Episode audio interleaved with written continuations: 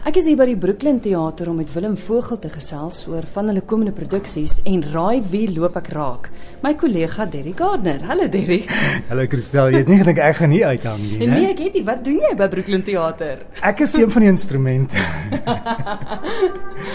Ons doen 'n baie ou stuk wat Henry Purcell geskryf het baie jare gelede. Hy het besef mense ken nie die instrumente van die orkes nie. En hy het hierdie stuk geskryf om dit te verduidelik en dan het hulle elkeen hulle beurt gehad en jy ontleed dit as die stem nou want ek is die stem en dan vertel ek dis nou daai instrumente, die slaginstrumente, hulle doen dit en dit en dit en dan hoor jy hulle en aan die einde word alles in mekaar gesit en dan speel hulle saam.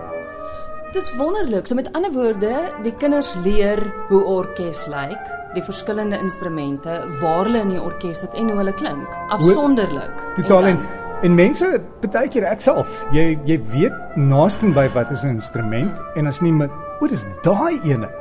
En dan weet jy met daai ene is met 'n met 'n hoë toon en hierdie een is lekker diep. Ja. en dan moet jy volgens dit vir die mense nou vertel, jy weet wat doen hierdie instrument. Kyk, dit is dit is 'n baie fyn lyn want ons werk saam met die dirigent en die orkes terwyl jy praat, hulle hulle hang soort van aan 'n noot. So jy moet seker maak Hulle is reg vir die volgende plek as die dirigent hom vat.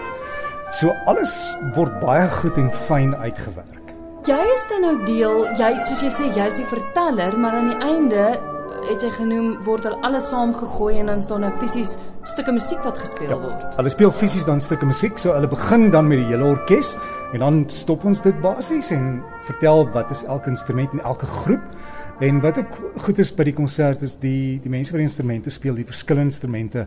Hulle het gesê hulle gaan dieselfde kleur klere aantrek. Die kleure gaan hulle soort van groepeer dat wanneer hulle speel, sal almal sien, o, hulle dra blou en dan weet hulle daai is die instrument. En dan kan jy later as jy hom hoor, dan weet jy o, dis dis is daai instrument, dis 'n viool, dis 'n fluit. So dis regtig kindervriendelik. Dit is kindervriendelik, maar weet jy, kindervriendelik, maar dis ook grootmensvriendelik want groot mense weet net so min soos party van ons van die instrumente.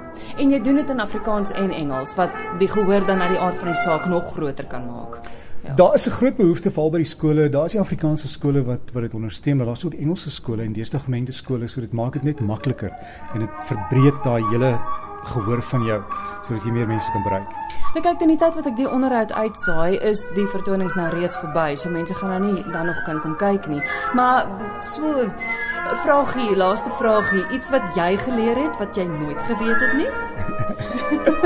ah ja, hoe om van die name van die instrumente uit te spreek. en alles alles baie partikulêr. En kan ek amper sê hulle is hulle is amper snobisties, maar op 'n mooi manier. Oor Nee nee, word nie so gesê nie, dit word so gesê. En daar's 'n groot verskil tussen die Afrikaanse en Engelse uitsprake.